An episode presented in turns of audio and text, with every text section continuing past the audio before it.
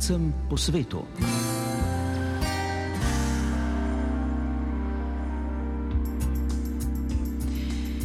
Pozdravljeni v tokratni septembrski oddaji. Naj ob začetku spomnim na enega od rokov povezanih z volitvami novega slovenskega predsednika, ki bodo 23. oktobra. Prihodnji četrtek, 22. septembra, se izteče rok za oddajo vloge za glasovanje v tujini. Vlogo morajo na Državno volilno komisijo oddati tisti, ki imajo stalno prebivališče v Sloveniji, a bodo na dan volitev v tujini in bi radi glasovali od tam.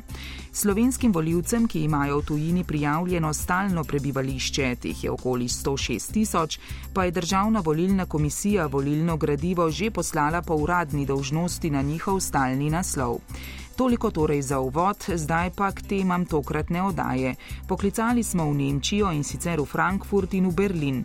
V nemškem glavnem mestu smo se pri sogovorniku med drugim pozanimali, kakšno je vzdušje tam ob sklepnem delu Evropskega prvenstva v košarki in kako so Slovenci v Berlinu navijali za naše reprezentante. Slovensko društvo Sava v Frankfurtu bo jutri zaznamovalo častitljiv jubilej 50 let delovanja, katerega zgodovino bomo v oddaji na kratko orisali z besedami sogovornice. 50 let delovanja je pred nekaj dnevi zaznamovalo tudi planinsko društvo Triglav iz Ciriha, tudi o tem v tokratni oddaji pripravila sem jo Živa Trček, za glasbo je poskrbel Jane Weber.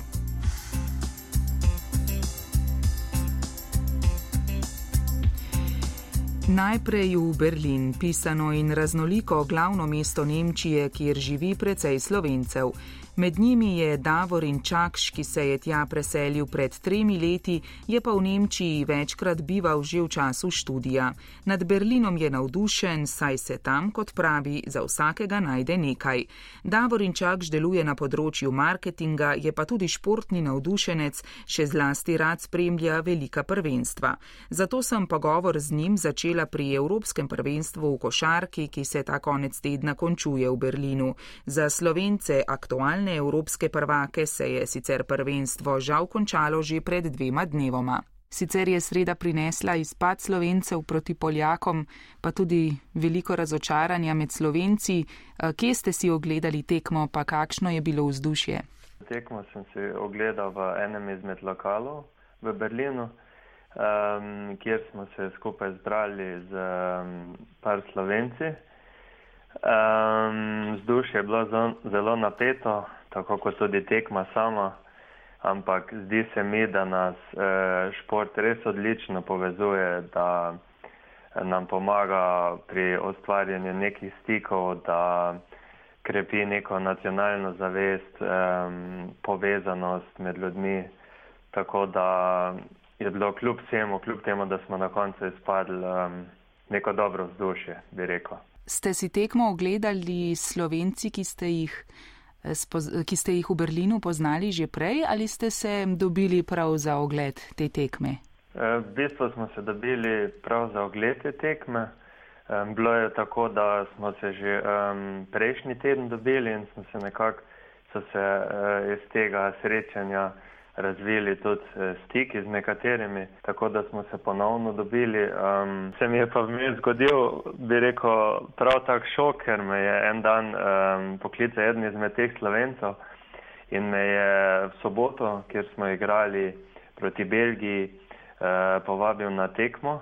In je rekel, um, da je dobil od nekoga uh, brezplačne karte podarjene in da sem vabljen na tekmo. In jaz sem bil res čisto šokiran, nisem mogel verjeti, da, da se mi bo kaj takega zgodilo. Um, ja, po parih dneh um, spoznanstva in že sem bil na tekmi z nekom in sem lahko podpiral uh, svojo državo. To je, res, to je bilo res nepozabno doživetje, ne znam opisati. Ste pa tudi po družabnih omrežjih uh, spletali nekakšne dogovore o tem, kje si ogledati tekme, s kom. Skratka, tudi, uh, je bil tudi internet oziroma družabna omrežja nek prostor, kjer ste se dogovarjali za oglede tekem. Ja, definitivno. Um, na spletnem omrežju Facebook imamo tudi svojo skupino Slovenci v Berlinu, um, kjer vsak to lahko zastavi vprašanje, Um, če o, recimo naprimer zdaj o tekmah, ko smo se pogovarjali, um, kje bi se dalo gledati. Um, moram pa priznati, da sem mogoče bil po eni strani um, malce razočaran oziroma presenečen, um, kar se tiče prenašanja tekem. V, še vedno se mi zdi, da je na prvem mestu v Nemčiji nekako nogomet in um, vse tekme, ki so povezane z nogometom, bistvo imajo prednost pred uh, košarkarskimi tekmami, tako da je bistvo bilo uh, kar težko najti uh, nek lokal za prenos tekme. Mi ni bilo najbolj jasno, če pogledamo na eni strani Nemčija organizira uh, tako, tako velik dogodek, kot je Evropsko prvenstvo v košarki, po drugi strani pa ne vem, si je težko tekmo ogledati, uh, razen v živo v dvorani, seveda uh, v nekem lokalu. Ne. Eh, pa sicer se vam zdi, eh, da je v Berlinu zdaj veliko pozornosti namenjene Evropskemu košarkarskemu prvenstvu? Jaz mislim, da se um, s časoma situacija zboljšuje, ker um, ko sem bil v soboto na tekmi, je za nami eh, potekala tekma uh, Nemčije. Um, Tako da sem se malo tudi pogovarjal z Nemci in se mi zdi, da so oni mi tudi dali tak občutek, da se zdaj popularnost košarke mal izboljšuje um, skozi to prvenstvo oziroma ker je tudi Nemčija postala kar dobra ekipa. Pa je sicer ja. v Ber Berlin zdaj, ko je tam Evropsko košarkarsko prvenstvo, je Berlin drugačen kot sicer? Je videti na ulicah, v središču, ob dvoranah? Eh, ne vem, navijače, zastave. Skratka, je čutiti ta utrip košarkarski. Če bi čisto pošteno rekel, ne vem, jaz nekaj posebnega utripa nisem doživel, razen v soboto, ko sem bil na tekmi, seveda okoli stadiona um, je, je mogoče zaslediti kar veliko navijačev, med drugim tudi slovenskih, seveda. Um, sicer, da bi pa rekel, um, če pogledam celotno mesto, pa bi si upal trditi, da ni ravno eh, začutiti nekega navdušenja oziroma da bi mesto preplavilo neko košarkarsko vzdušje, kot je recimo v primerjavi z nogometom. Eh, če se spomnim par let nazaj, ko sem bil recimo v Nemčiji na izmenjavi, pa je takrat eh, Nemčija postala svetovni prvak, je, je vladalo čist neko drugo vzdušje kot pa je v košarki, bi rekel. No, ampak mogoče, če bodo Nemci postali evropski prvaki v košarki, se bo tudi to kaj odrazilo. Ja, mogoče, jaz, jaz srčno upam, um, zdaj mislim, ko je Slovenija zunaj, da, da um, bom bolj za Nemčijo navijal. Um, tako da jaz upam, da, da bi to lahko bil dober um, povod za neko, da se košarka tudi izboljša oziroma da se priljubljenost košarke v Nemčiji dvigne. Kajti, kot sem se tudi pogovarjal z številnimi Nemci, so rekli, da je, da je priljubljenost eh, košarke še kar v nekje v zadju za nogometom. Eh, kakšen je pa sicer Berlin? Kaj vam je všeč v mestu, tam zdaj živite nekaj let? Zakaj prav Berlin? Zakaj ste se preselili tja? Um, V bistvu je bilo tako, da eh, pot Berlin me je zanesla pred tremi leti. Um, to pa zato, ker sem si že od nekdaj želel Nemčije. Že v srednji šoli je v bistvu bil moj najljubši predmet Nemščina. Uh, potem sem bil dvakrat na izmenjavi v Nemčiji in sicer v, najprej v Düsseldorfu, na to v Nürnbergu. Um, med to izmenjavo sem si Berlin večkrat ogledal, sem bil tudi tu na na obisku, um, sem velikrat potoval. Všeč mi je pa prav zaradi te svoje odprtosti, skritih kotičkov, možnosti, ki so na voljo vsakemu posamezniku. Meni se zdi, da se res za, za vsakega nekaj najde. V bistvu mesto je tako veliko in veliko je nekih dogodkov, veliko se dogaja in to je bilo v bistvu tisto, kar me je najbolj privlačilo. Kaj od vsega kar ponuja Berlin, tega je kar veliko, kot pravite, je pa vam osebno najbolj pri srcu. Kaj najraje počnete tam? Um, jaz sem drugač eh, strasten kolesar in športni navdušenec. In všeč mi je, recimo, um, da je zelo razvita uh, kolesarska infrastruktura, da imaš dobre povezave um, s kolesom, lahko um, hitro prideš ven iz mesta, pa si nekje v naravi, potem številni parki, uh, ki jih mesto ponuja za, za druženje. Sploh se mi zdi ta družbeni utrip, da je tako prisoten, da sko včasih skoraj vsak dan uh, se nekaj dogaja. Se pravi, ni, ni dolgočasno mesto. Kako doživljate Nemce? So bolj zaprti kot Slovenci? Meni se zdi to čist individualno. Um, Meni se zdi, da Nemci so tako, da rabijo svoj čas, da se odprejo.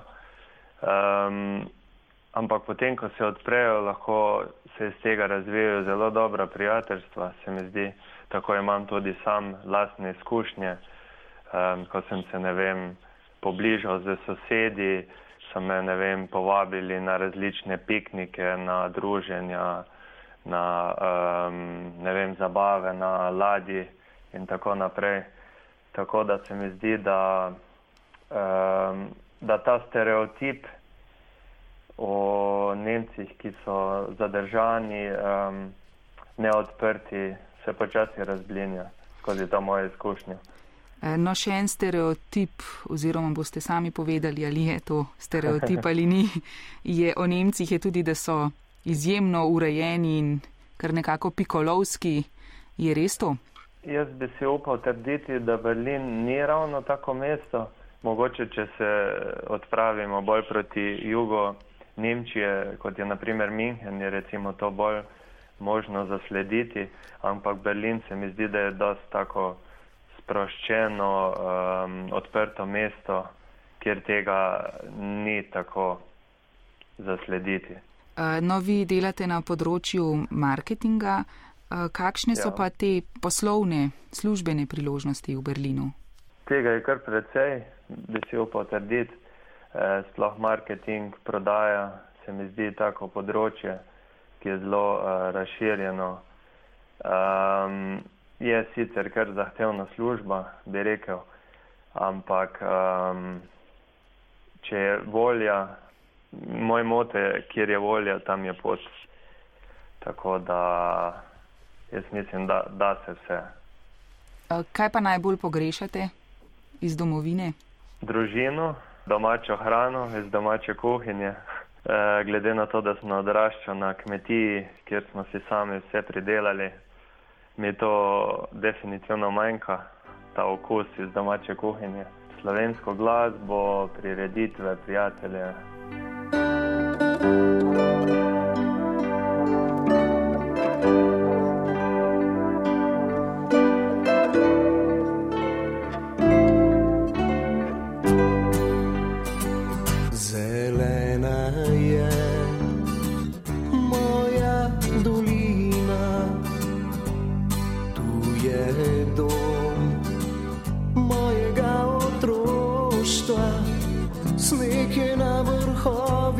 vseh, cvetje mi krasi pogled, zelena je moja dolina. Sneg je na vrhovih vseh, cvetje mi krasi pogled, zelena je moja dolina. Zelena.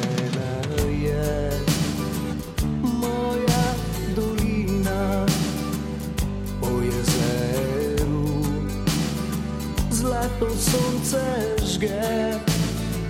Tu sem se zaljubil že, tega ne vzame mi nihče, zelena je moja dolina. Tu sem se zaljubil že, tega ne vzame mi nihče, zelena je moja dolina. Your name.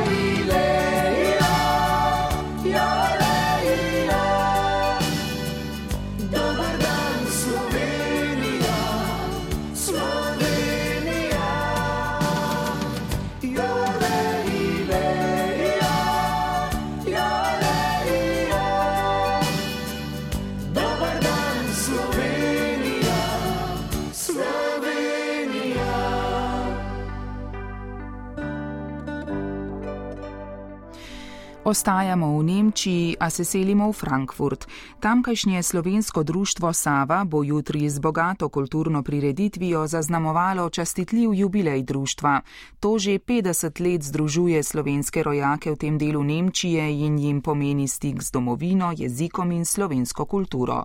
Dolgoletna članica društva in tudi dejavna članica njegovega upravnega odbora je Silva Regalbuto, ki se je v pogovoru z Lili Brunec najprej ozrla opozorila na delovanje društva v minulih letih.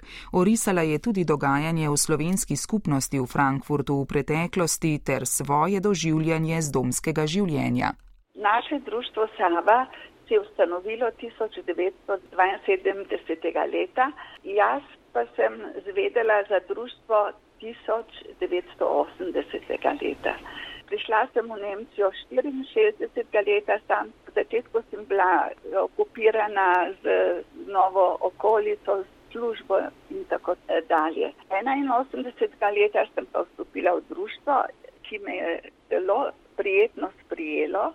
Vodila sem mojega sina v malo šolo, ki je bila takrat že organizirana. Najprej smo imeli majhne prostore in je bilo vse malo bolj skromno. 1979. leta smo se preselili in tam je bilo že več, tudi naša delovanja so se že povečala, imeli smo različne stroške, tudi športna vdejstvovanja, pohodi v naravo in sploh nam ni bilo dolg čas. Vsako soboto so bili prostori polni in tudi ob praznikih. 1992. leta smo se preselili tretjič. Dobili smo zelo lepe prostore, ki jih še vedno imamo v najemu in to je postalo druženje tudi bolj aktivno. Imamo zelo lepo knjižnico, veliko kuhinjo, tudi šolska soba, učilnica je zelo lepa, primerna za otroke in, in za pouk. Bili so nogometni krožki, takrat je bila še Jugoslavija in vem, da so naši fantje eh, igrali proti Hrvatom, proti Srbom, eh, ki so tudi imeli svoje, tudi proti nemškim ekipam. Jaz tega nisem doživela, sem pa takrat začela s vodenjem pohodov v naravo in eh, smo imeli tudi kar prijetne izlete. Kolikor se spomnim, na mizni tenis je bil tudi zelo važen. Se pravi, kar na športu je bil velik poudarek. Kako pa deluje društvo Sava danes? Ja, danes smo malo bolj skromni, posebno v zadnji dve leti, zaradi eh, korone, ki nam je preprečila marsikaj.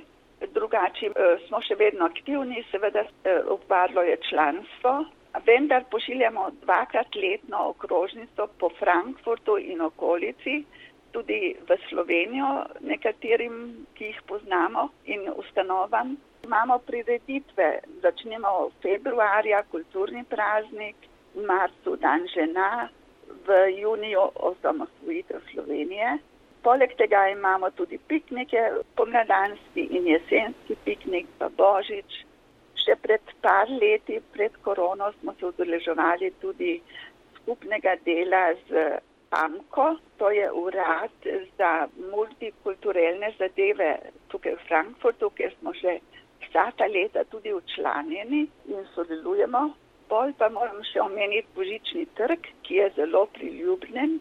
Sodelujemo z gospodom Meserjem, našim častnim konzulom v Badodenu, kjer predstavljamo naše izdelke, našo glasbo, se približujemo in negujemo kontakte z nemškim sodržavljanem.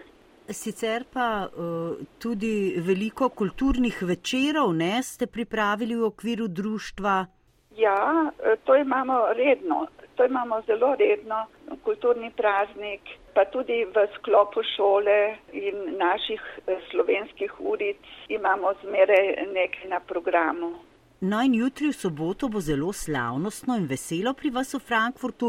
Kako boste proslavili pol stoletja obstoja društva Sava Frankfurt? Smo se potrudili, da obvestimo in povabimo čim več ljudi, čim več eh, rojakov v Frankfurtu, izven Frankfurta, tudi povratnikov, ki so se vrnili pred leti v Slovenijo, tudi slovenske ustanove kot tudi nemške ustanove, kolikor imamo kontakta. Mi se veselimo in upamo, da se bojo odzvali. Imamo učitelje, ki so vedno steber naše kulture tukaj v Frankfurtu in tukaj bo tudi Evropska šola, učenci, ki obiskujejo Evropsko šolo in pa naši učenci v Frankfurtu. Imamo novo učiteljico, ki je prinesla veliko svežega duha s seboj in energije in upamo, da bo nekaj lepega. No, gospa Silva Regalbuto, vi ste že vrsto let v Frankfurtu, kako pa se spominjate vaših začetkov življenja v Nemčiji? Kako in kdaj vas je pot zanesla v to največje mesto v nemški zvezdni deželi Hesen? Ja, jaz sem prišla leta 1964 in uh, samo začasno, ker sem hotela samo malo pogledati čez mejo. Imela sem priliko ja, in dobila sem dobro službo, lepo službo v mojem poklicu in tako uh, sem ostala tukaj, ker sem si že dolgo želela potovati po Evropi, jo spoznavati tudi brez uh, vizuma in to je bila glavna odločitev. Kakšno službo pa ste upravljali? Uh, jaz sem po poklicu kemijski tehnik in uh, sem uh, dobila tudi službo v mojem poklicu po priznanju mojega poklica najprej. Kako pa ste ja. se navadili na življenje v velem mestu, v največjem poslovnem in finančnem središču Evrope? Verjetno je bilo v začetku vse drugače kot v Sloveniji, ne? Ja, za mene prav zelo ker jaz prihajam iz Tolmina, iz Kobarida, kjer sem bila v službi. To je lepo mestece, samo majhno. Tukaj je pa veliko mesto, Frankfurt, sicer stanujem bolj na obronku, ker je delodajalec tovarna Höh, kjer sem delala, je tudi malo izven centra. Ja, za mene je bilo odkritje novega življenja. Imela sem več eh, kulturnih možnosti v mestu udejstvovanja v športu. Tudi tukaj sem se priključila društvom, spoznavati svet, tudi sem delala izlete v druge države, v druga mesta. Za mene je bilo nekaj novega, se pa vedno vračam domov v Tolmin, Ljubljano, kjer je moja sestra, Gorico, To so mi še vedno najljubši kraj. Tako da stik z Slovenijo ohranjate, pa ste sicer nemščino že obvladali, ko ste prišli v Frankfurt. Ste se tam naučili nemški jezik? Jaz sem že v šoli, v kemični šoli v Rušah pri Mariboru. Smo imeli tudi nemščino, pa v gimnaziji sem imela nemščino. Poleg tega seveda sem tudi tukaj obiskovala tečaj v Berlitz School in uh, to je zelo potrebno, ko prideš v eno državo, da vladaš jezik. In se tako lažje vključiš tudi v tamkajšnje okolje. Sicer ste pa zelo lepo skozi vsa ta leta ohranili tudi slovenski jezik, kako ste pa skrbeli za slovenščino v Nemčiji? Ja, to, to je pa res zahvala našemu društvu, kjer imam možnost govoriti Mi imamo ob sobotah urice za odrasle, ker smo mi odrasli slovenci. To je tudi urjenje. Mojega sina sem tudi vodila k pouku od začetka, to se pravi od male šole, dokler je šel na višjo gimnazijo. Tako da sem tudi tukaj komunicirala, čeprav sem morala paralelno tudi druge jezike govoriti. Pa ste kaj pogrešali Slovenijo v vseh teh letih življenja v Nemčiji? Zdaj stike s Slovenijo ohranjate, ste rekli. Ja, seveda, pogrešal sem posebno v začetku, ali potem se človek navadi, dobi veze in tam danes to sploh ni problem. Kot mi dve zdaj lahko govoriva, ko lahko pokličem vsak čas mojo sestro, družino mojega brata, moje prijatelje. To se ohranja.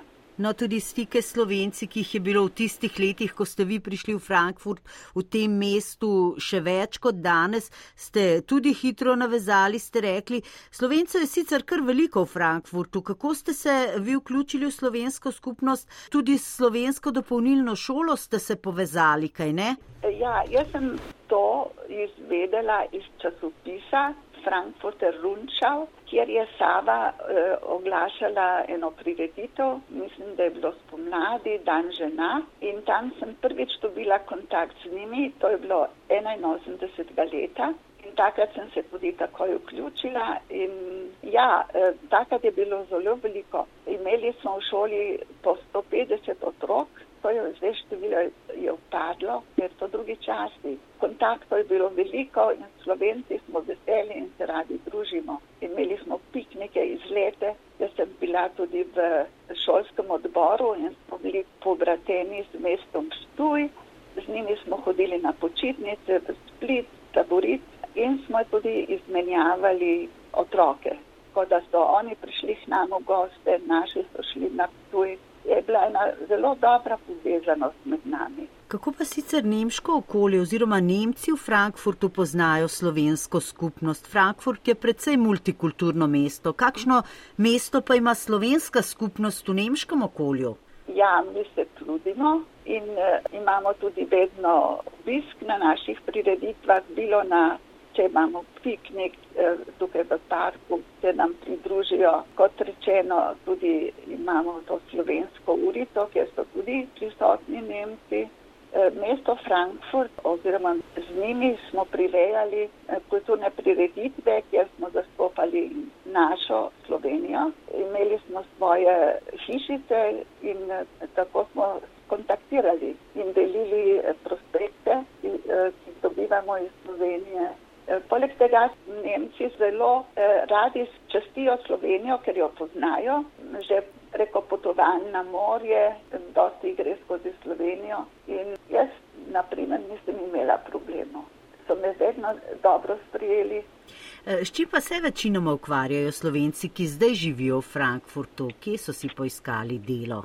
Prej slovenske tudi firme pod Rudis, oni so avtomatsko prišli zmeraj v Savo, tudi ta eh, podjetje nam je tudi pomagalo pri organizacijah, pa Ljubljanska banka. Danes tega ni več, sosedstvom, pa, pa športne prireditve, kulturne prireditve, to tam, kjer se publika pomeša in se zelo hitro pride v kontakt.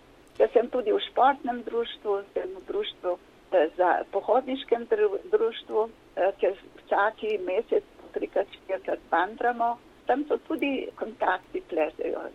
No, gospode Galbuta, Slovensko društvo Sava ohranja stik s Slovenijo in slovenstvom na različnih področjih, ste rekli, predvsem kulturnem. Kako pa sicer vi sami ohranjate slovensko kulturo, tradicijo? Imate kakšno posebej priljubljeno slovensko jed, morda slovensko glasbo? Jed, ravno pred včerajšnjem sem bila na enem majhnem pohodu in so mi prijateljice, to so bile eh, dve Nemki, so rekli, se že veselijo na moj štrudel, eh, ker smo videli, da zorijo jabolka in da padajo že z drevesa. Ja, in se nekaj seveda, čim bo pride bosko, ta vrsta jabolk bo štrudel tudi na mizi na, na naših piknikih ponudimo tudi slovensko hrano, pa na božičnih sejmih ponudimo našo hrano, naš pršut, eh, medico. To so take stvari, kjer je treba izkoristiti in se ljudje tudi zelo veselijo. Na naših piknikih imamo zmeraj enega eh, harmonikaša, ta ena gospa tudi iz eh, upravnega odbora celo, igra harmoniko, pa tudi imamo plošte preko zvočnika. To, to se vse da urediti. Pa če vas še takole za konec vprašam, gospa Regalbuto, katera je pa vaša najljubša slovenska melodija? Prisluhnete, kateri še posebej radi? Bom šel na planine, ja, ali pa na planincah, konci Tesije. Ravno včeraj sem nekaj, eno knjigo čitala o moji, eh, eh, o Tolminu, pa gor na Tolminom je Razor. Uh -huh. in, Eh, in je bila tudi ena pesem omenjena, no. šel na planine. Planince, planince, planince, pa bom šel na planince, na visoke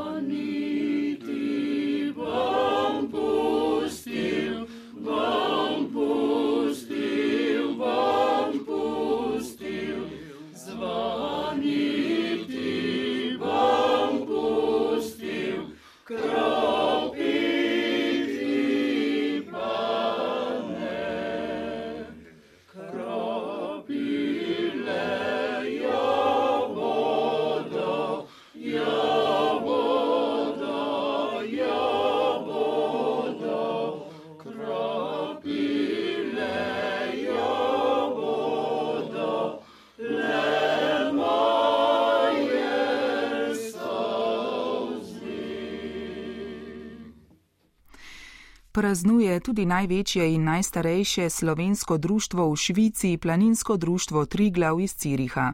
To je svojo 50. obletnico delovanja zaznamovalo pred nekaj dnevi.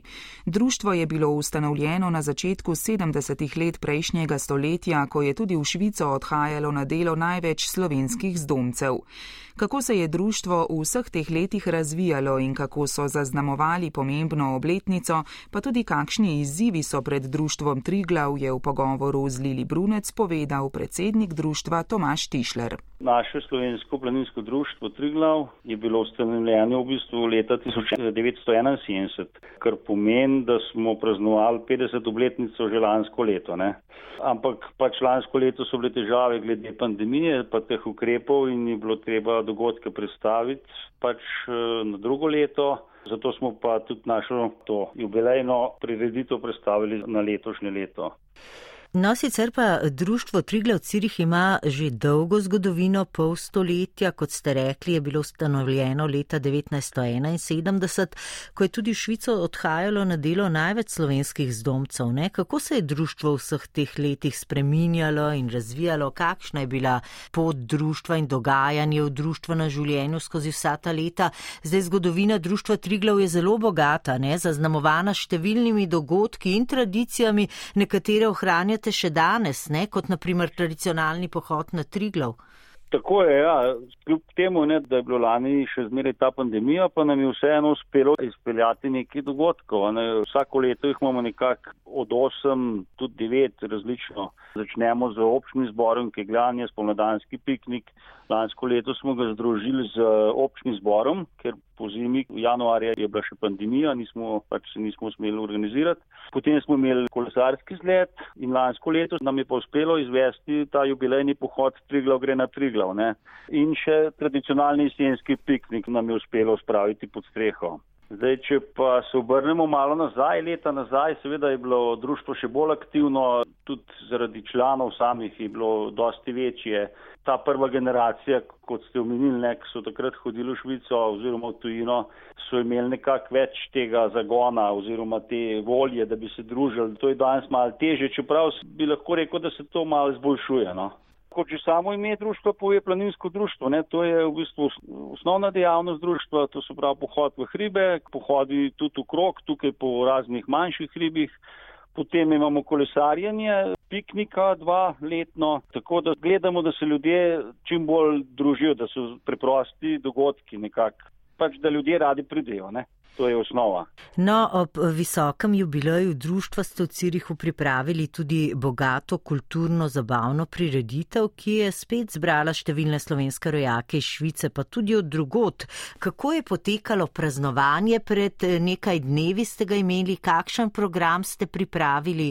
Torej, ta sama prireditev jubilejna zabava ne, smo poskusili, da bo nekako bolj eh, svečana, tako da smo povabili seveda vse društvo, ki še delujejo v Švici, eh, njihove predstavnike, potem smo bilo poslali tudi v Slovenijo, vlade Republike Slovenije za Slovence po svetu, potem na veleposlaništvo in še druge ustanove, ki so v Švici, recimo to je dopolnilni pouk slovenščine, potem imamo kulturni most, združenje staršev otrok, dopolnilne šole. In pa poslali smo pa tudi vabila v nemško govoreče sosedne države, to je Liechtenstein, Avstrija in Nemčija. Sicer oni so se žal upravičili, niso mogli pridružiti tem dogodku, ampak so nam pa želeli lepo praznovanje in seveda tudi veliko uspeha za naprej. Kako pa je prireditev potekala, kako ste praznovali, kakšen program ste pripravili? Pač na začetku smo seveda pozdravili vse goste, z veleposlanikom na čelu, isto Grmek, ne, z Bermanas se nam je pridružil, potem vsakega predstavnika društev, ne, če jih kar naštejem, recimo Slovensko društvo plenika Winterthur, potem Slovensko društvo Soče Schaffhausen, Slovensko društvo Slovenija Riti, potem je bil kulturni mod Slovenija Švica iz Berna, dopolnilni pouk slovenščine v Švici in pa Združenje staršev otrok pouka slovenščine. Potem smo pozdravili seveda tudi bivše predsednike društva, ki je bilo tudi kar štirje so bili prisotni, to je Lencel Tone, Fikfak Metod, Fikfak Jerne in pa Kantožer Anton. Zdaj sam program smo nadaljevali, pač smo malo omenjali, kako je bilo v preteklosti samo društvo, malo smo pogledali zgodovino nazaj in pa seveda smo se obrnili tudi za naprej. Če tako gledamo 50 let, je kar dolga doba, ne? Nekako, če pogledamo vsa te leta nazaj, ne, se je res zgodilo veliko dogodkov, veliko novih prijateljstv, kakorkoli povezovanja, tudi zakonski pari so se spoznavali in nekako je na nek način pričaral vsak tak dogodek eh, košček doma oziroma košček Slovenije. Ne. In uh, upamo, seveda, vsi, da nam bo skupnimi močmi to še na prihodnje uspelo negovati to tradicijo in da bomo še živeli kar nekaj let. Tako da bo društvo živelo in dejavno delovalo tudi naprej. Sicer pomenili ste, da ste pripravili tudi kulturni program, so sodelovali v njem učenci slovenske dopolnilne šole v Švici. Tako je, ja. ko smo pač imeli za sabo te pozdrave vseh povabljenih gostov, so se nam pridružili seveda otroci, najmlajši pouka dopolnilne šole slovenščine, ki so imeli seveda tak kratek zanimiv program, so nas zelo razveselili, malo so jim učitelji pomagali, ampak to ni bilo nič nobena uvira, tako da smo res uživali v tem kratkem programu. In uh, ko smo kulturni del zaključili, nas je pozdravil slovenski dober ansambl, ki smo ga tudi povabili Slovenije, ne, Gašpor in uh, oni so nas lepo zabavali potem kar dolgo v noč. To je kar nekak tradicija oziroma to je nek taka garancija, bi lahko rekel. Če je ansambl slovenski, ne, je takoj vzdušje boljše. Ansambli so pač sami po sebi že recimo navajeni, da nastopajo da pričarajo nek, tako lepo vzdušje domači sploh, ne, tukaj v tujini se to še bolj občut uh, in tudi uh, slovenska beseda in kakorkoli kulturno uh, usmerjeno je, je takoj vse lažje in boljše, no, tako bom rekel. In vas še bolj poveže med seboj, sicer pa ste imeli veliko gostov na prireditvi? Ja, smo bili kar lepo presenečeni. Na to samo jubilejno prireditev pa je res prišlo kar nekako 130 gostov. To je kar velika številka. Sicer pa omenili ste slovensko dopolnilno šolo, da so pripravili lep, bogat kulturni program. Sicer pa prav slovenska dopolnilna šola je zelo pomembna pri vas v Švici, kaj ne se nekako povezuje s slovenstvom in slovensko identiteto, tudi mlajšo, ponekod že drugo, celo tretjo generacijo slovencev v Švici. Ne?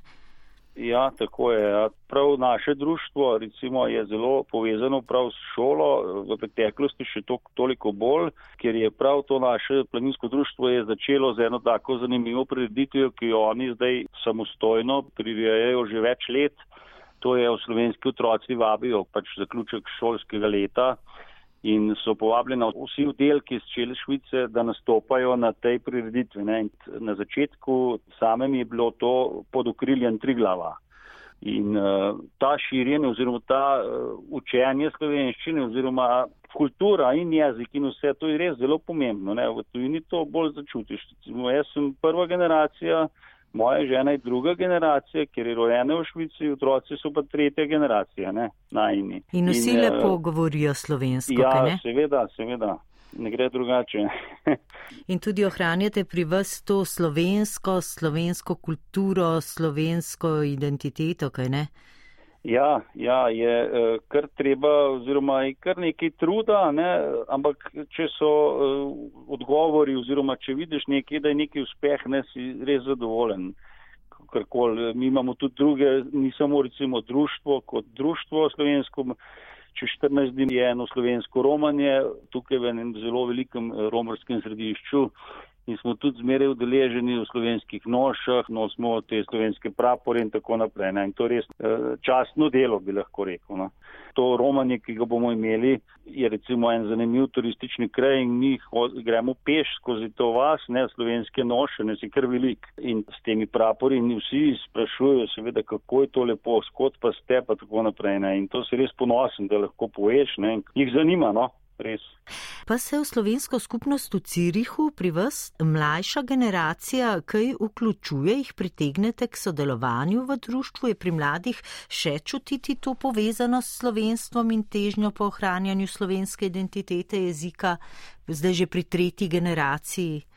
Tudi lahko rečem, da se je stvar malo zboljšala. Zdaj, glede na to, da je v zadnjih letih prišlo kar veliko število slovencev v Švico, največ zaradi službe, seveda, ker imamo veliko teh predstavništv oziroma tovarn, ki sodelujo s švicarskimi tovarnami oziroma industrijo. In uh, tukaj je kar veliko mladih prišlo, mlade družine, izobražene pač nekateri so članini oziroma otroci hodijo v šolo slovensko naprej ali so članini v društva. Bilo je pa pred leti dost slabše, ne. je res bilo v padanju in starejši člani so odhajali oziroma jih tudi že ni bilo več. Mlajši pa se nekako niso upisovali oziroma niso imeli te korajže, bi lahko rekel. Ampak mi smo bili kar ustrajni, sploh pri našem društvu smo rekli, pa dajmo še malo probat, pa še en let, pa še en let. In če zdaj pogledam nazaj pet let, je kar eh, številka se dvignila. Ne. Sicer niso les zelo mladi, ampak so nekako ta srednja generacija, ne, ki jih najbolj rabaš, v bistvu, ki so pripravljeni tudi pomagati. Tako da gledamo kar optimistično no, v budućnost. Članstvo je nekako tam 160 približno. Morda za konec, gospod Tomaš Tišler, kako ob tem častitljivem jubileju Slovenskega planinskega društva Triglav Cirih gledate v prihodnost? Kako vidite prihodnje delovanje društva? Načrtujete kakšne novitete v delovanju, v ohranjanju društvenega življenja Slovencev v Cirihu? Vsi upamo, da bo, oziroma smo optimistični, da bomo skupnimi močmi, da nam bo uspelo še držati naprej to, pa da pridobimo dva, tri člana vsako leto, mogoče par številk več, oziroma par članov več in potem eh, ti ta optimizem nekoliko malo zrase. Ne. Je pa res, da je treba biti ustrajen. Ne. Je kar težko, no, ampak eh, če so ljudje za, oziroma če se jih več optimistično misli, se to da marsikaj narediti. Ne.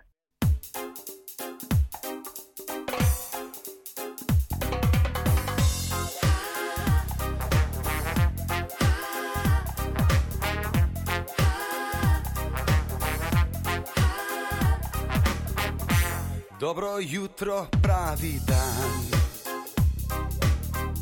Ne umit, ne počesan. Kliče me ulica, a sicer že potepanja. A, a, potovanje zgublja čar.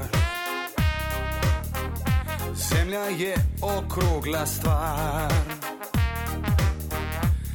naj zato lastovke odletijo brez mene. Moskva, stara babuška, daleč je Amerika, tudi hladna Arktika, kaj pa manjka mi doma. Moskva, stara babuška, daleč je Amerika, suha vroča Afrika, še najbolje je doma. A, še najbolje je doma.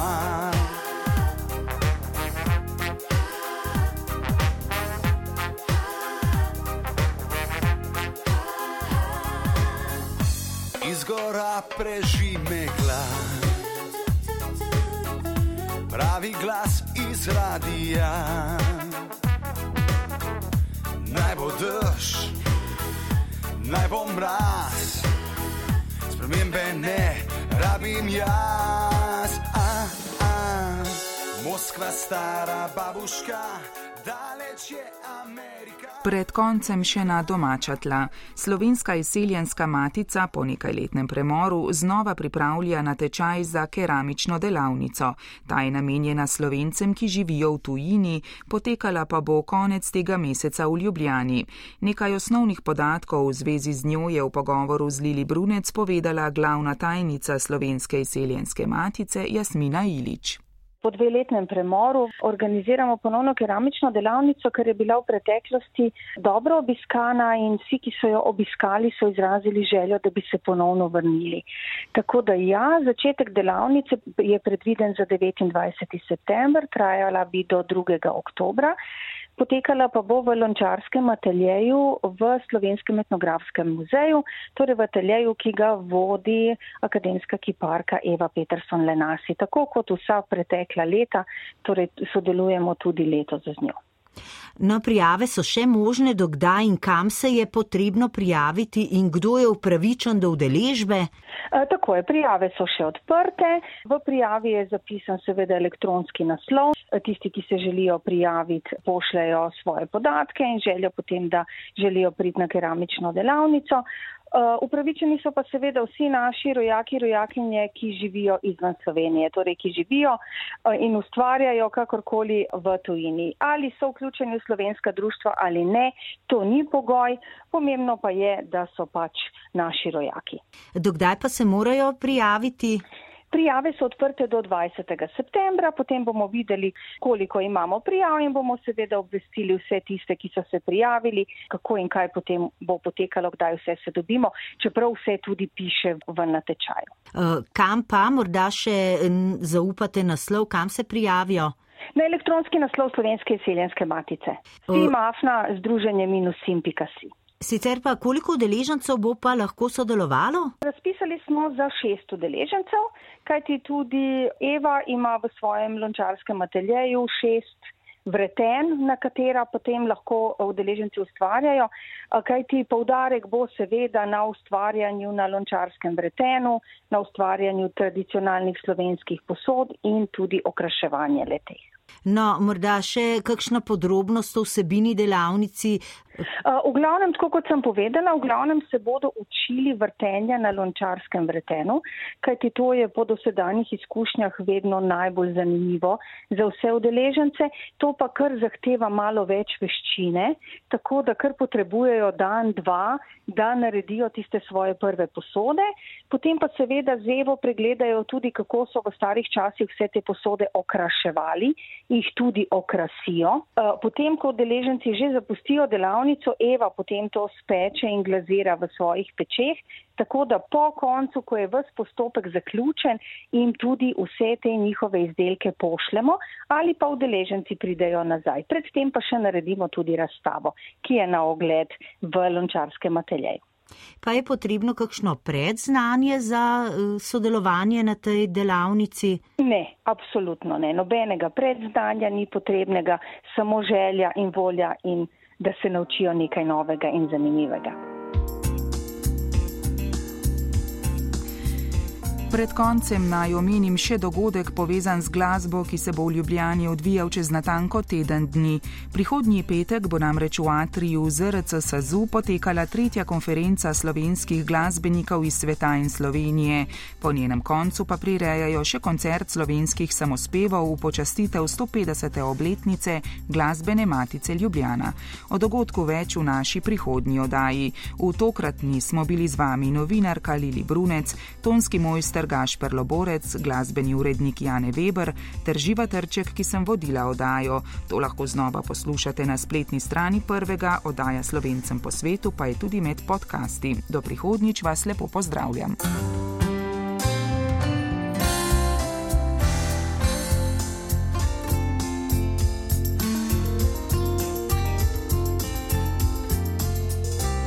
Slovencem po svetu.